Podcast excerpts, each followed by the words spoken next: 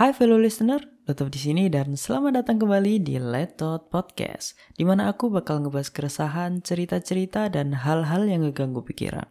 Perlu digarisbawahi bahwa semua yang ada di sini adalah cerita dan opini pribadi yang tentunya subjektif. Jadi boleh setuju, boleh nggak setuju, yang penting jadi seru.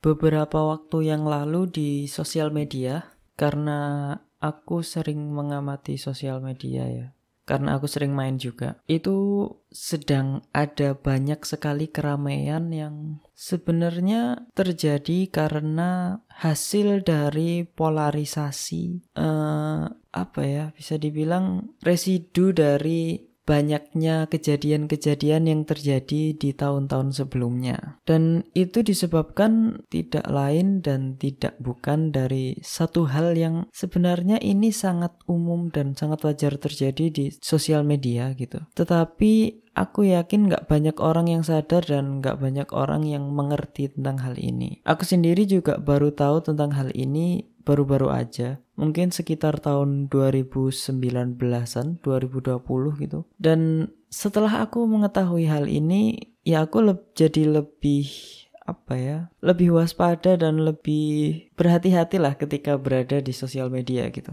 Karena kalau kita secara nggak sadar main sosial media dan kita membiarkan informasi-informasi yang ada itu masuk ke alam bawah sadar kita dan kita menelan informasi-informasi yang ada secara langsung gitu. Secara nggak sadar kita akan masuk ke dalam kutub-kutub atau polar yang nggak sengaja terbuat dari sosial media ini. Mungkin aku bakalan ngejelasin dari awal dulu ya. Sebenarnya hal ini mungkin udah terjadi cukup lama ya sejak sejak sosial media mulai booming-boomingnya gitu. Dan sejak algoritmnya sosial media itu mulai menjadi lebih baik dan lebih teroptimalisasi untuk user. Ternyata itu nggak nggak apa ya, nggak 100% berdampak baik atau nggak 100% optimal untuk usernya itu sendiri gitu. Jadi karena uh, sosial media itu beberapa sosial media ya yang umumnya kita gunakan itu algoritmnya adalah dia akan memunculkan konten-konten atau postingan-postingan yang sesuai dengan apa yang kita sering lihat dan apa yang sering kita lakukan dan apa yang sering kita cari gitu. Dan itu berarti adalah hal-hal yang sering atau ingin kita cari dan dekat sekali dengan kita. Jadinya sebenarnya secara positif itu mengoptimalisasi apa yang akan keluar, postingan-postingan yang akan keluar, yang akan kita lihat. Karena otomatis apa yang kita lihat itu selalu apa yang kita ingin cari. Karena sudah teroptimalisasi tadi. Tapi ternyata dengan adanya algoritma ini ada dampak buruk yang tidak sengaja kita dapatkan kalau kita nggak berhati-hati ketika bermain di internet atau di sosial media gitu. Yaitu adalah polarisasi atau pengkutupan yang muaranya adalah nanti ya kita cuman bisa membedakan antara hitam dan putih gitu. Seakan di sosial media itu cuman ada yang hitam dan ada yang putih. Dan itu juga yang menyebabkan nantinya kita mudah berpikir bahwa kalau kamu nggak A, kalau kamu nggak hitam, berarti kamu putih. Kalau kamu nggak A, berarti kamu B.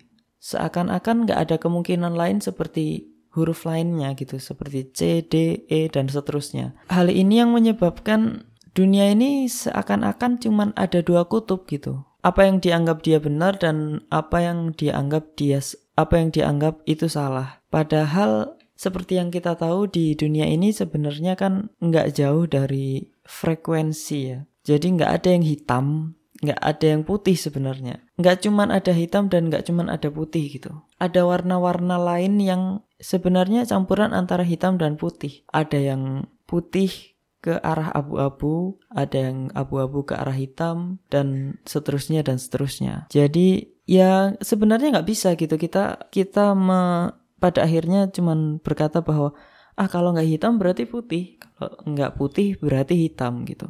Dan ini yang secara nggak sadar terjadi di sosial media sekarang. Dan hasilnya bisa kita lihat di beberapa tahun belakangan. Kenapa aku bahas ini sekarang karena beberapa waktu yang lalu yang sering dibicarakan adalah hal-hal yang terkesan apa ya bisa dibilang dikotomis gitu mungkin. Hal-hal yang bisa dibilang menyalahkan satu satu persepsi atau satu hal seakan-akan kalau kita berada di sisi tersebut atau di kutub tersebut atau kita meyakini sesuatu hal gitulah maka kita adalah bagian dari mereka gitu. Jadi ini juga yang menyebabkan kenapa waktu adanya pemilu presiden, pilpres dan sosial media kan menjadi panas ya, menjadi sangat panas dan seakan-akan di di sosial media itu cuman ada dua kubu gitu, dua dua kutub yang sebenarnya enggak uh, karena frekuensi itu pasti kan beragam ya.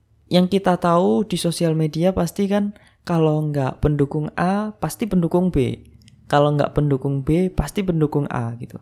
Padahal yang realitanya itu enggak seperti itu karena ya belum tentu yang mendukung A itu pasti uh, nggak suka sama B atau belum tentu yang nggak suka sama B atau yang nggak suka sama A gitu itu pasti pendukung A. Itu belum tentu juga. Jadi ya sebenarnya uh, frekuensinya itu luas gitu. Dan ini terbawa sampai sekarang juga dan sekarang juga sedang panas-panasnya gitu. Banyak isu-isu yang pada akhirnya menyebabkan uh, terkutupnya orang-orang di sosial media gitu. karena seakan-akan kalau orang nggak suka sama postingan A atau postingan B itu itu adalah orang-orang yang berada di uh, salah satu kubu dan sebaliknya gitu. Padahal belum tentu juga sebenarnya kan. Walaupun ada kemungkinan iya gitu. Mereka berada di kubu tertentu, entah kubu mana pun ya. Tapi kemungkinan besar sebenarnya ya nggak ada. Mereka cuman nggak suka sama satu hal aja dan satu hal itu aja gitu, bukan secara keseluruhan lah. Dan pola pikir seperti ini itu tercipta karena algoritma yang ada di sosial media yang sudah aku jelaskan tadi. Istilah istilah kerennya adalah echo chamber atau gelembung bias. Gelembung bias itu adalah sesuatu yang tercipta atau terbuat karena sebenarnya karena ulah kita sendiri dibantu dengan algoritma sosial media. Walaupun sebenarnya tanpa algoritma sosial media pun kita sebenarnya bisa berada di dalam gelembung bias gitu. Kayak misal kita contohnya adalah ketika kita berada di lingkungan yang pembahasannya sama, kebenciannya sama, kesukaannya sama, kita berada di lingkungan yang sama terus-menerus, secara nggak langsung kita akan menerima informasi yang sama terus-menerus. Dan kita cenderung nggak keluar dari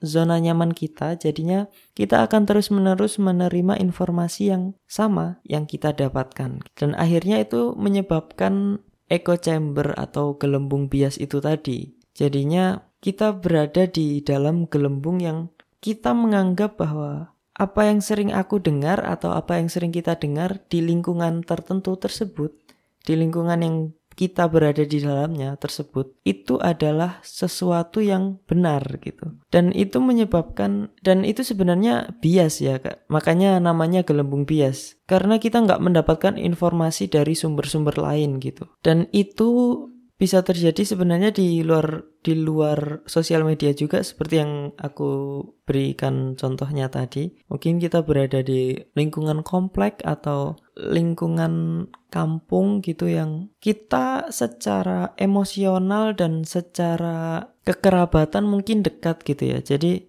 kita sering ngobrol, kita sering membicarakan suatu isu, membicarakan suatu hal gitu. Dan kita berbicara dengan orang-orang yang berada di lingkungan yang sama juga. Jadi pada akhirnya pola pikir kita atau apa yang ada di pikiran kita gitu, itu sudah terbentuk karena di karena kita sering mendapatkan informasi di lingkungan yang sama secara nggak langsung karena kita mendapatkan informasi-informasi yang sama terus-menerus gitu ya. Istilahnya otak kita menjadi lebih nyaman untuk mendengarkan informasi-informasi yang ingin kita dengar, yang sering kita bahas juga. Dan kebetulan karena kita berada di lingkungan yang sama, yang sering kita dapatkan informasinya adalah informasi yang sama gitu. Akhirnya ya otak kita terbentuk untuk lebih nyaman mendengarkan apa yang ingin kita dengarkan saja. Pun di sosial media berlaku hal yang sama gitu. Tapi yang berada di sosial media diperparah oleh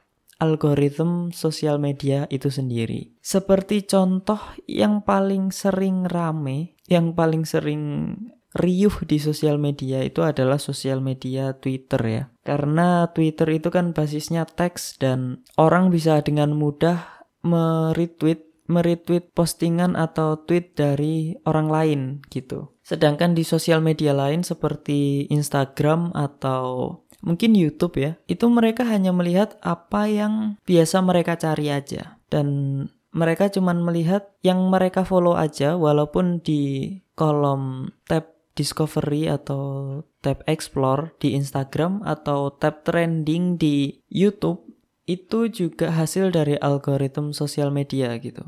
Kalau misal di yang yang aku tahu ya di YouTube itu uh, apa yang keluar di trending sebuah negara adalah video-video yang sering dilihat sama orang. Itu berarti echo chambernya atau gelembung biasnya itu tercipta karena banyak orang yang menonton. Jadi orang yang sebelumnya nggak menonton, kalau misalnya dia cari apa yang ingin dia tonton di trending, itu pasti yang keluar adalah hal-hal yang paling banyak ditonton oleh orang yang berada di negara tersebut gitu. Jadi ya hal tersebut bergantung pada apa yang sering ditonton oleh orang di sebuah negara. Itu bergantung pada hal tersebut gitu. Kecuali kita subscribe sama hal ter tertentu uh, atau mungkin di kolom home juga ya.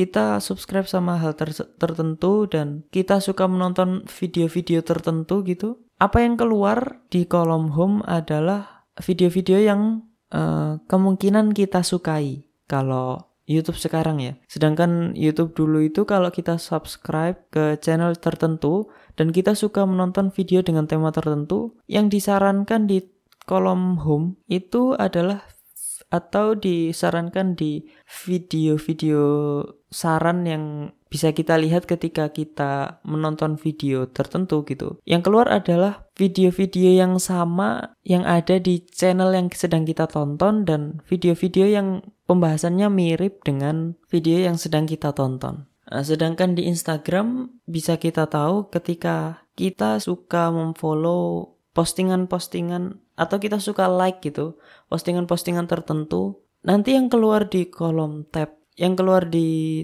tab explore adalah hal-hal yang sering kita sukai gitu. Mungkin ketika kita suka like foto-foto mobil uh, atau foto-foto motor yang keluar di kolom explore di tab explore adalah nanti akun-akun yang memposting foto-foto motor dan mobil. Dan hal itu berlaku dengan apa pun ya nggak nggak cuman motor dan mobil aja gitu dan semakin hari ketika kita semakin sering menyukai hal-hal yang sering kita dan ingin kita lihat gitu kolom explore nantinya akan semakin teroptimize dan yang keluar di situ adalah hal-hal yang ingin kita lihat gitu. Kalau misal di Instagramku biasanya yang muncul di tab explore adalah postingan-postingan dari akun-akun yang suka sama SpaceX dan NASA, terus kemudian postingan-postingan tentang Valorant, postingan-postingan tentang klip-klip Valorant gitu karena aku beberapa waktu ini emang lagi seneng aja gitu main FPS Valorant dan ngelihat klip-klipnya. Kebetulan aku sukai juga gitu. Terus yang lain adalah cuplikan-cuplikan dari sitcom Friends dan The Big Bang Theory, terus How I Met Your Mother itu juga yang sering keluar di tab exploreku karena ya aku sering menonton hal tersebut dan aku sering like-like beberapa cuplikannya gitu jadinya yang keluar adalah hal-hal yang deket sama kita. Nah, di Twitter karena kita bisa retweet postingan orang dan apa yang orang retweet itu cenderung apa yang mereka setuju atau mereka sangat nggak setuju. Jadi dua-duanya itu sangat kontras gitu. Antara dia setuju sekali dan dia nggak setuju sama sekali. Dan normalnya ya, yang kita follow adalah orang-orang yang dekat dengan kita dan pembicaraan atau pembahasannya itu dekat sama kita. Jadi ketika kita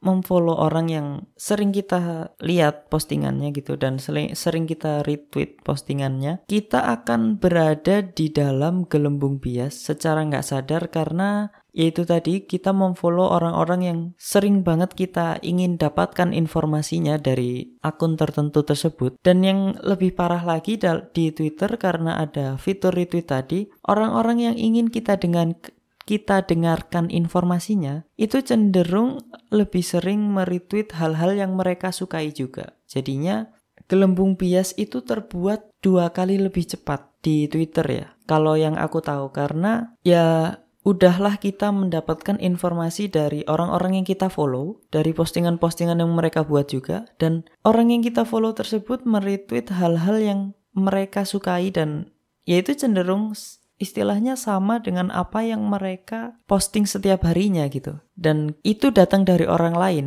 Jadi secara nggak sadar alam bawah sadar kita berpikir bahwa oh si A itu sesuai sama saya sesuai sama aku gitu uh, dia membenci hal yang sama denganku menyukai hal yang sama denganku kemudian mereka meretweet orang-orang yang setuju sama mereka juga gitu terus kemudian mereka meretweet informasi-informasi yang sama atas kebencian dan dukungan terhadap suatu pihak gitu misal dia suka sama A dan benci dengan B atau kebalikannya dia suka sama B atau benci dengan A. Dan secara nggak langsung timeline Twitter kita itu pada akhirnya nanti terbentuk isinya adalah hal-hal tentang kebencian-kebencian atau mungkin blunder-blunder yang dilakukan oleh pihak B karena kita membenci pihak B gitu ya misal. Terus keberhasilan-keberhasilan yang di, dihasilkan oleh pihak A karena informasinya dat, yang datang adalah uh, dua hal tersebut, dua hal kontras tersebut gitu. Jadi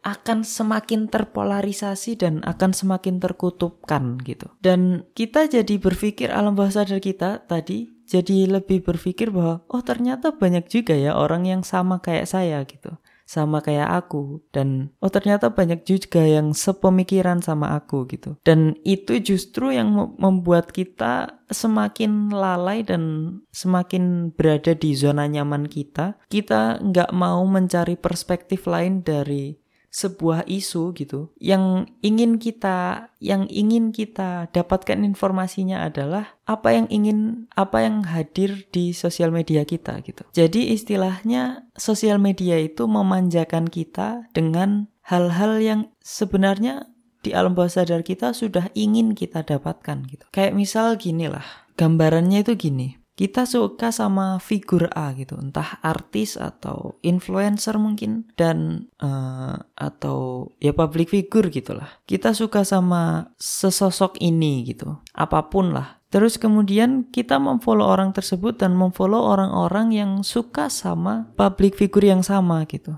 Seperti yang kita lihat di sosial media sekarang ya gitu. Orang kan emang cenderung follow apa yang mereka orang yang mereka idolakan dan orang yang mereka sukai gitu. Dan secara nggak langsung mereka itu akan memfollow orang-orang yang suka dengan hal yang sama juga. Dan akhirnya itu yang menyebabkan gelembung bias itu terbentuk gitu. Karena informasi-informasi yang datang adalah informasi-informasi yang cenderung ingin kita dengarkan gitu. Misalkan si public figure A ini atau artis mungkin influencer melakukan sebuah hal yang bisa dibilang adalah sebuah prestasi gitu. Sebuah kebanggaan, sesuatu yang bisa dibanggakan gitu. Itu timeline kita secara nggak langsung akan terblasting dengan informasi-informasi yang sama uh, tentang prestasi-prestasi yang sedang dia yang sudah dia dapatkan, prestasi-prestasi yang sedang dia ingin lakukan dan lain sebagainya gitu. Kemudian ketika ada sebuah blunder, si public figure tersebut melakukan blunder gitu, melakukan sebuah kesalahan, orang-orang yang berada di lingkungan kita, di following kita mungkin ya, karena kita biasanya atau cenderung memfollow hal-hal yang sama gitu. Dan pun public figure itu sendiri gitu biasanya kan melakukan klarifikasi atas blunder yang mereka buat gitu ya itu mereka cenderung apa ya mendukung public figure yang mereka sukai gitu dan hal itu ditambah dengan orang-orang yang sama yang mendukung juga. Jadi istilahnya pada akhirnya kita hanya melihat satu sisi aja, satu sisi yang sama gitu. Kita disetir untuk melihat sebuah perspektif yang sama atau sisi yang sama gitu. Ketika dia melakukan sebuah prestasi, ya kita puji-puji dan lain sebagainya.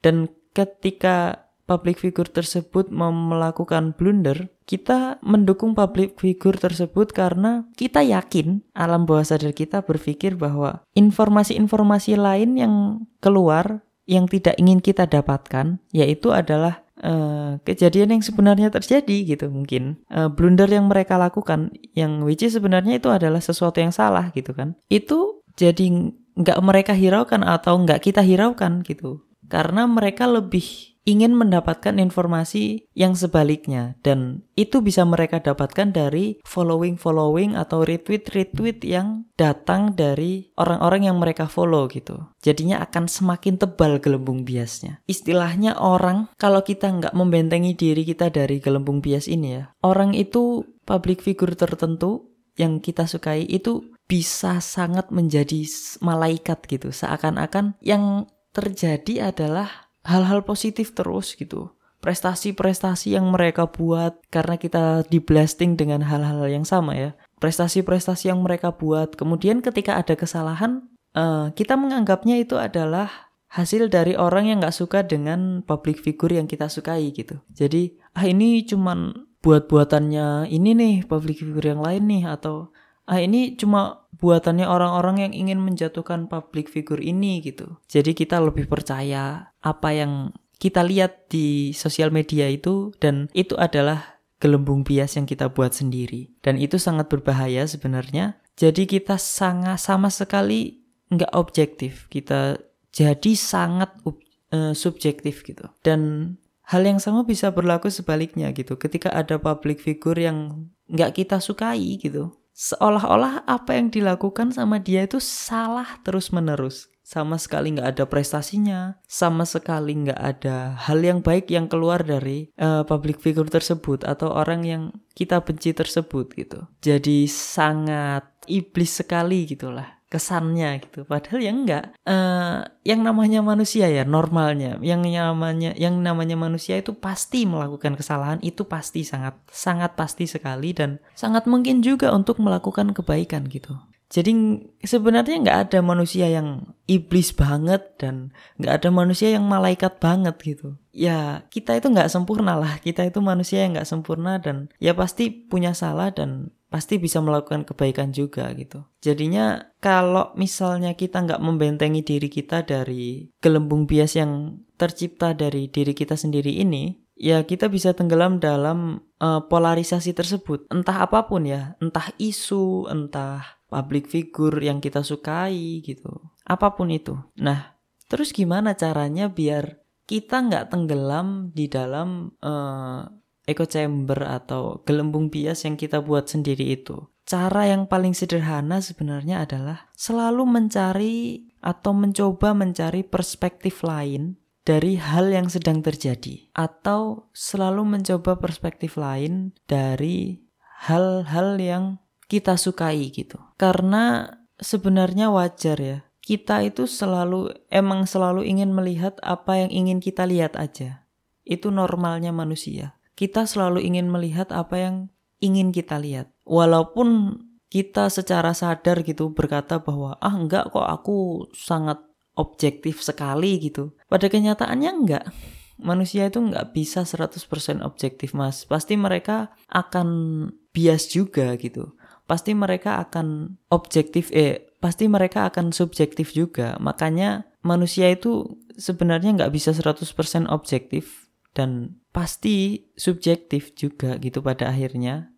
Tapi kita bisa meminimalisir subjektivitas tersebut gitu. Menjadi lebih kecil gitulah. Karena kita nggak bisa menghilangkannya 100% karena yang namanya manusia ya otaknya itu pasti terinfluence sama hal-hal yang sering kita dengar dan hal-hal yang sering kita dapatkan dari kecil gitu. Jadi ya emang lingkungan itu mempengaruhi lah. Lingkungan itu sangat-sangat mempengaruhi omong kosong kalau orang bilang bahwa lingkungannya tidak mempengaruhi gitu ya. Ya mungkin dia secara sadar bisa mengatakan hal tersebut, tapi di alam bawah sadarnya pasti mereka secara nggak langsung tersetir oleh apa yang sering ia dapatkan selama ini. Jadi solusinya adalah agar kita tidak berada di gelembung bias atau paling minimal adalah kita nggak mempertebal gelembung bias tersebut sehingga nggak nggak bisa kita pecahkan gitu adalah selalu cari informasi dari perspektif yang berbeda untuk menjadi sebuah pertimbangan tentang apa yang sedang terjadi.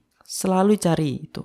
Karena kalau enggak, lama-lama kita akan mendewakan seseorang atau mendewakan sebuah isu gitu, mendewakan sebuah pihak dari sebuah isu, atau kita jadi sangat membenci atau mengibliskan uh, yang lainnya gitu. Dan itu sangat berbahaya sekali dan itu nggak bagus karena membuat orang itu jadi terkotak-kotakan gitu. Dan jadi nggak menarik lah kehidupan ini jadi kayak sama sekali nggak ada dialog karena orang sudah yakin dengan apa yang ia dapatkan gitu. Sosial media isinya cuma debat karena yang nggak ada yang nggak ada yang mau ngalah karena dia yakin apa yang dia peroleh informasi yang ia peroleh adalah sesuatu yang benar. Karena echo chamber yang ia buat sendiri itu semakin tebal dari hari ke hari. Jadi yaitu cara paling mudah yang pertama adalah e, mengimbangi informasi lah. Jadi kita harus berusaha mencari informasi yang banyak dari berbagai macam sudut pandang. Entah pada akhirnya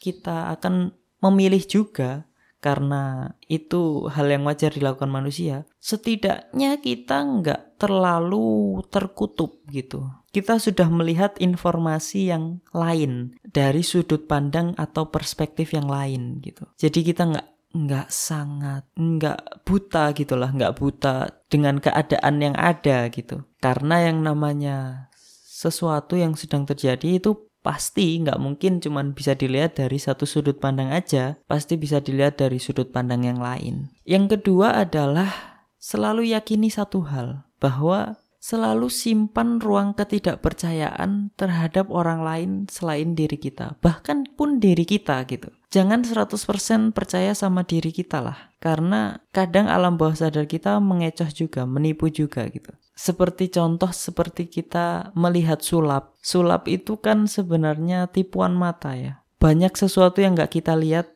atau trik-trik sulap itu yang nggak kita lihat gitu yang sudah dilatih oleh uh, magician sesuatu yang udah diciptakan sama mereka gitu yang cuman bisa mereka lihat dari perspektif mereka dan nggak bisa kita lihat dari perspektif kita kayak misal ada jalan-jalan tersembunyi yang bisa bikin mereka menghilang dan lain sebagainya uh, trik-trik lain gitulah. Nah sedangkan kalau magician atau magic sulap itu sebuah hiburan ya. Kita emang sengaja memposisikan diri kita ke dalam sesuatu ya kita sadar gitu bahwa kita sedang ditipu. Nah itu maka itu adalah hiburannya Eh, dalam sulap itu kan sebenarnya ya kita tahu kalau itu cuma trik gitu. Tapi kita tetap terkagum-kagum karena ya trik itu yang membuat kita wah keren ya kayak gini gitu. Nah sedangkan di dunia nyata ketika kita nggak berada dalam hiburan gitu itu sebenarnya terjadi terjadi juga gitu. Makanya aku bilang bahwa ya kadang kita nggak bisa percaya sama diri kita sendiri juga harus menyimpan ruang ketidakpercayaan itu juga terhadap diri kita sendiri. Dan bahkan terhadap orang lain gitu Bahkan sama diri kita sendiri aja seperti itu, apalagi terhadap orang lain. Kita nggak bisa percaya 100% terhadap orang lain. Apa yang mereka katakan, apa yang mereka lakukan, dan kita nggak tahu apa yang mereka lakukan dan apa yang mereka katakan itu sesuai dengan apa yang mereka pikirkan juga gitu. Jadi kita harus tetap menyimpan ruang ketidakpercayaan terhadap orang lain, siapa pun itu. Entah itu public figure yang kita sukai atau orang-orang yang kita idolakan gitu. Karena sering terjadi ya bahwa orang-orang yang fanatik, orang-orang yang fanatik terhadap sesuatu, orang-orang yang fanatik terhadap seseorang public figure tertentu gitu atau pihak tertentu gitu. Pada akhirnya buta. Itu juga terjadi ya karena itu gelembung bias itu tadi sama. Hal-hal tersebut atau cara mengatasi menebalnya gelembung bias yang diterbuat atas akibat dari diri kita sendiri gitu terbuat karena diri kita sendiri itu itulah yang menyebabkan polarisasi ini terjadi sekarang ini gitu. Dan ini yang menyebabkan banyak sekali perdebatan-perdebatan di sosial media yang nggak ada ujungnya, nggak ada juntrungannya, nggak tahu uh, ujungnya di mana gitu. Karena yang namanya orang berdebat itu mereka pasti yakin bahwa argumen yang mereka ajukan adalah argumen yang benar. Jadi mereka datang dengan sebuah argumen gitu. Dua-duanya atau uh, banyak pihaknya gitu pasti datang dengan argumen yang sudah mereka yakini dari awal gitu. Jadi sebenarnya perdebatan itu adalah sesuatu yang sia-sia aja gitu. Mungkin nggak sia-sia bagi orang yang mendengarkan ya, yang dia sudah siap mendengarkan dari per perspektif lain gitu. Jadi dia bisa mendapatkan dua informasi sekaligus dalam satu perdebatan atau bahkan lebih gitu.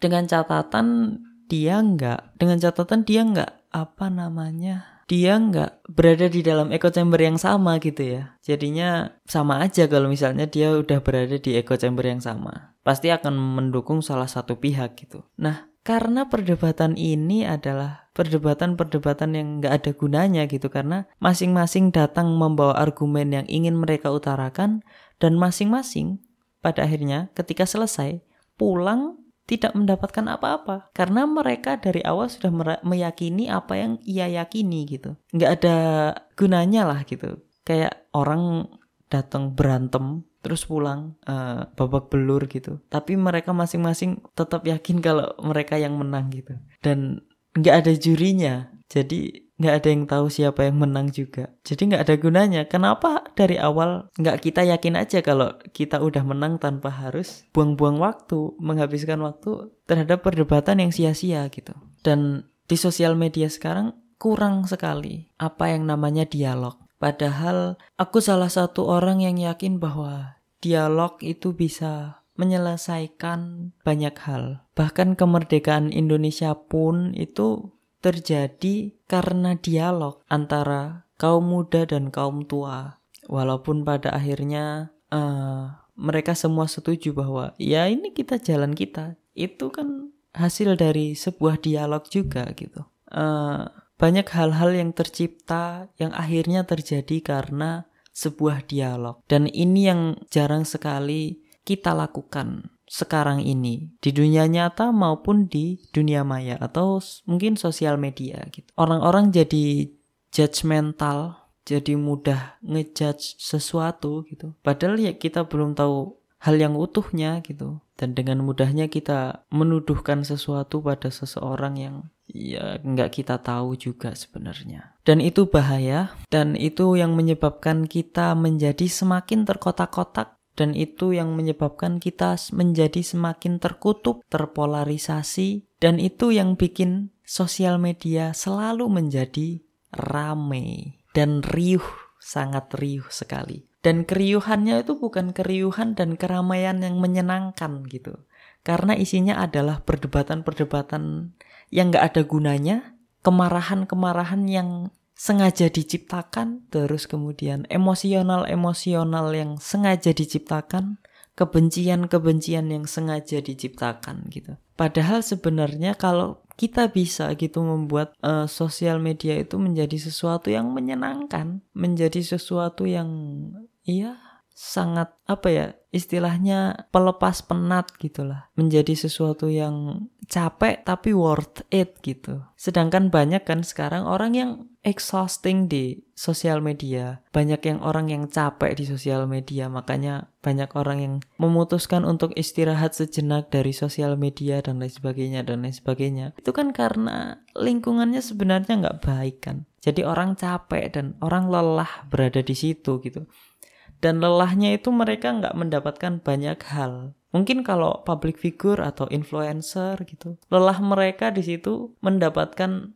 sesuatu yang positif ya. Mungkin mata pencaharian mereka berada di situ gitu. Jadi ketika mereka beristirahat dari hal tersebut gitu ya jelas gitu loh ketika dia balik lagi, ya mereka sedang bekerja lah di situ gitu. Sedangkan orang-orang biasa yang berada di sosial media gitu, udah mereka nggak kerja dari situ, mereka nggak dapat apa-apa dari situ. Terus exhausting, capek berada di sosial media tersebut. Jadi kan kesannya jadi kayak useless banget gitu nggak ada gunanya lah. Jadi akhirnya ya aku berharap sih suatu saat nanti ada masa di mana ya sosial media itu akan menjadi tempat yang menyenangkan. Walaupun sebenarnya bisa kita lakukan sekarang juga gitu ya dengan cara kita memperhatikan followers dan following kita terutama following sebenarnya. Apa yang kita follow gitu kita lebih memperhatikan nggak cuma asal follow orang-orang yang sama pembicaraannya sama kita, sama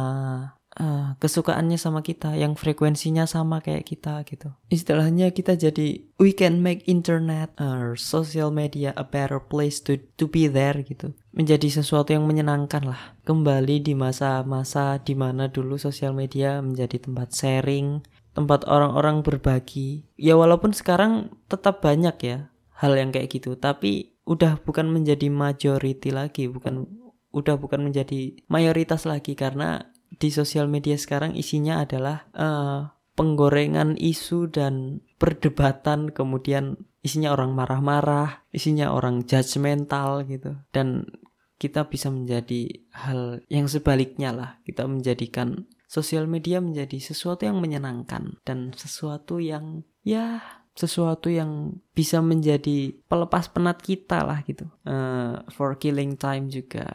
Sebenarnya sama kayak game juga. Uh, mungkin aku tambahin di sini sekalian ya, walaupun kayaknya ini udah panjang banget. Uh, saking kompetitifnya game sekarang gitu ya, orang jadi menganggap bahwa game itu sesuatu yang harus diperjuangkan gitu. Orang try hard banget berada di uh, skena kompetitif. Uh, ketika dia ya padahal dia main biasa gitu. Dia dia main biasa aja dia nggak nggak jadi pro player. Dia bukan roster gitu. Dia bukan orang yang mendapatkan uang dari game tersebut gitu. Bahkan mungkin menghabiskan uangnya di situ. Padahal game itu video games is supposed to be something fun to do dan sesuatu yang bisa melepas penat kita dari kepenatan yang sudah kita dapatkan dari dunia gitu ya mungkin kita capek kerja dan lain sebagainya capek terus kemudian kita main game gitu untuk melepas penat. Tapi sekarang kebanyakan orang main game justru malah bikin emosi gitu. Orang banyak yang emosi di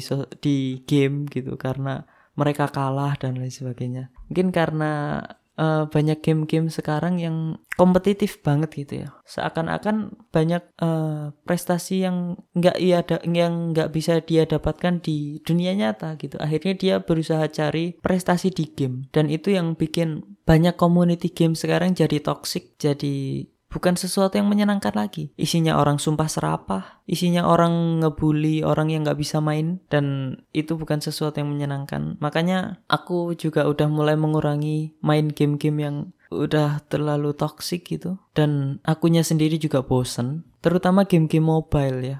Banyak game-game mobile yang sekarang yang ya isinya orang-orang toxic jadinya gitu. Karena banyak orang yang mencari prestasi itu di game gitu Padahal dia juga bukan pro player, dia bukan orang yang dibayar untuk melakukan hal tersebut gitu. Aku sekarang lebih sering main game PC dan aku berharap game-game yang sedang aku mainkan sekarang itu komunitasnya uh, lebih bagus lah, lebih lebih menyenangkan gitu. Terutama sebenarnya game-game RPG ya. Game-game RPG itu yang kemungkinan besar bisa menjadi uh, game yang komunitasnya baik karena bisa saling bantu satu sama lain walaupun game kompetitif sebenarnya bisa juga ya. Uh, kayak aku sekarang main Valorant walaupun aku nggak jago tapi aku seneng seneng aja mainnya gitu. Uh, walaupun sering juga aku ketemu sama orang-orang yang toxic juga gitu. Orang-orang yang ya sebenarnya nggak jago juga sama nggak jagonya sama aku gitu. Tapi ngerasa bahwa they rule the game gitu. Dia suka ngebacotin orang ngebacotin orang yang nggak nggak bener mainnya atau ya ngerasa paling bisa lah gitu. Terus kemudian jadi sumpah sumpah serapah dan lain sebagainya gitu. Terutama di chat dan uh, voice chatnya ya jadi dan itu kadang yang namanya toxic gitu ya itu nular juga gitu. Orang kalau nggak kena mentalnya jadi males main pada akhirnya kadang juga kepancing gitu kepancing buat uh, ngecek juga atau sumpah serapah juga jadi isinya satu satu match atau satu game gitu isinya marah-marah aja. Isinya orang uh, swearing dan lain sebagainya gitu. Dan ya aku nggak mau sih aku nggak mau kayak gitu gitu. Jadi kalau misalnya ada orang kayak gitu biasanya langsung aku mute chat sama voice-nya biar aku nggak denger apa yang mereka katakan gitu. Terus nggak kepancing juga. Dan ya udah aku nggak perlu balas juga kan sebenarnya gitu. Walaupun di Valorant sendiri aku sering sih kalau main di unread walaupun di kompetitif jarang ya karena aku jarang main kompetitif. Itu sering banget ketemu sama orang-orang yang ya seru mainnya. Ya kita ngebantuin yang emang baru main gitu mungkin. Nggak apa ya lebih banyak nice try nice try-nya daripada swearing gitu. Nggak mungkin bahkan satu match itu nggak ada swearingnya sama sekali gitu. Bahkan saling ngedukung gitu. Atau bahkan yang paling bagus adalah ngajarin gitu. Oh ini tuh di sini loh, gini masang skillnya ini di sini. Kalau ulti kayak gini, kalau masang spike di sini gitu dan lain sebagainya gitu. Dan menurutku itu sesuatu yang menyenangkan gitu. Dan aku juga sering melakukan hal tersebut sih. Dan semoga apa yang aku lakukan itu ya bisa bikin banyak orang juga melakukan hal tersebut gitu. Mereka orang-orang yang belum bisa main jadi merasa lebih dihargai, jadi mereka jadi lebih semangat mainnya. Mungkin gamenya jadi bisa lebih bagus gitu. Mainnya jadi lebih menyenangkan juga pada akhirnya. Mungkin di podcast episode kali ini cukup segini aja karena kayaknya ini udah panjang banget dan ini bakalan jadi podcast episode yang kepa yang panjang kedua setelah ada satu episode di season pertama kalau nggak salah tentang konspirasi deh. Yang itu episodenya juga panjang banget sampai satu jaman kalau nggak salah. Dan Semoga apa yang aku bicarakan di episode kali ini cukup membantu dan mengurangi sedikit keriuhan di sosial media. Ya walaupun sebenarnya aku tahu sih podcastku ini belum banyak yang mendengarkan gitu ya. Tapi aku berharap sih walaupun sedikit pun yang mendengarkan gitu, mereka bisa punya pemikiran yang sama kayak aku bahwa ya sosial media atau internet itu sebenarnya bisa menjadi sesuatu yang menyenangkan dan nggak banyak marah-marahnya nggak nggak menyebabkan uh, sesuatu menjadi terkotak-kotakan dan terpolir terpolarisasi gitu. Mohon dimaafkan juga kalau misalnya terlalu terbelit-belit dan terlalu banyak kata yang diulang-ulang dan uh, seperti yang aku bilang di awal, podcast ini subjektif. Jadi apa yang aku ceritakan di sini dan apa yang aku jelaskan di sini adalah sesuatu yang aku dapatkan gitu. Jadi nggak 100% objektif juga. Mungkin ada sedikit yang objektif mungkin dan ya kalau yang baik bisa diambil, yang buruk tinggalkan aja lah. Terima kasih sudah mendengarkan. Luto pamit dan ciao.